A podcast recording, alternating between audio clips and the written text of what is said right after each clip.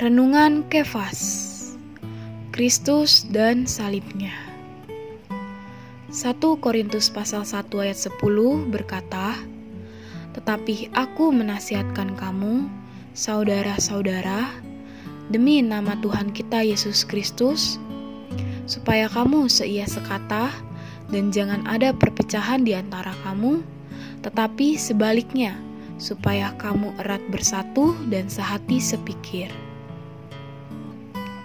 Demi nama Tuhan Yesus Kristus, Paulus menyuruh kaum beriman di Korintus agar semuanya mengatakan hal yang sama.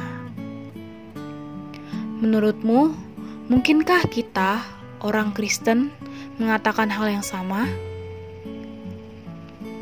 Untuk menjawab pertanyaan ini, kita perlu mengerti apa yang Paulus maksudkan dengan ungkapan hal yang sama. Hal yang sama yang Paulus maksudkan ialah Kristus dan Dia yang disalibkan. Jadi, bagi kita mengatakan hal yang sama berarti kita semua mengatakan Kristus dan Dia yang disalibkan. Dalam ayat 12, Paulus selanjutnya berkata, "Yang aku maksudkan ialah bahwa kamu masing-masing berkata, aku dari golongan Paulus, atau aku dari golongan Apolos, atau aku dari golongan Kefas, atau aku dari golongan Kristus? Ayat ini menunjukkan bahwa perpecahan di antara orang Kristen selalu merupakan akibat dari meletakkan nama lain di atas nama Tuhan Yesus, dan hal ini memang sesuai dengan kecenderungan dari sifat alamiah kita.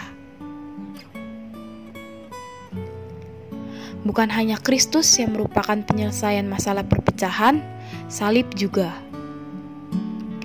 Pekerjaan utama yang dilakukan salib dalam pengalaman kita adalah mengakhiri kita. Pada satu pihak, Kristus adalah kenikmatan kita. Pada pihak lain, salib adalah pengakhiran kita. Dari pengalaman kita, kita tahu bahwa semakin kita menikmati Kristus, kita akan semakin diakhiri. Kehidupan manusia penuh dengan masalah. Hidup ini seolah hanya untuk mengalami masalah dan kesukaran. Hal ini tidak saja berlaku bagi kehidupan keluarga, tetapi juga bagi kehidupan gereja.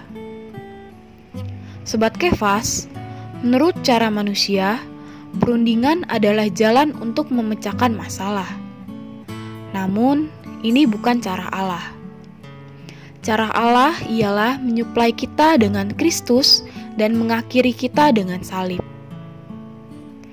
Terang hari ini, yang pertama, sebutkan penyebab perpecahan dalam gereja di Korintus.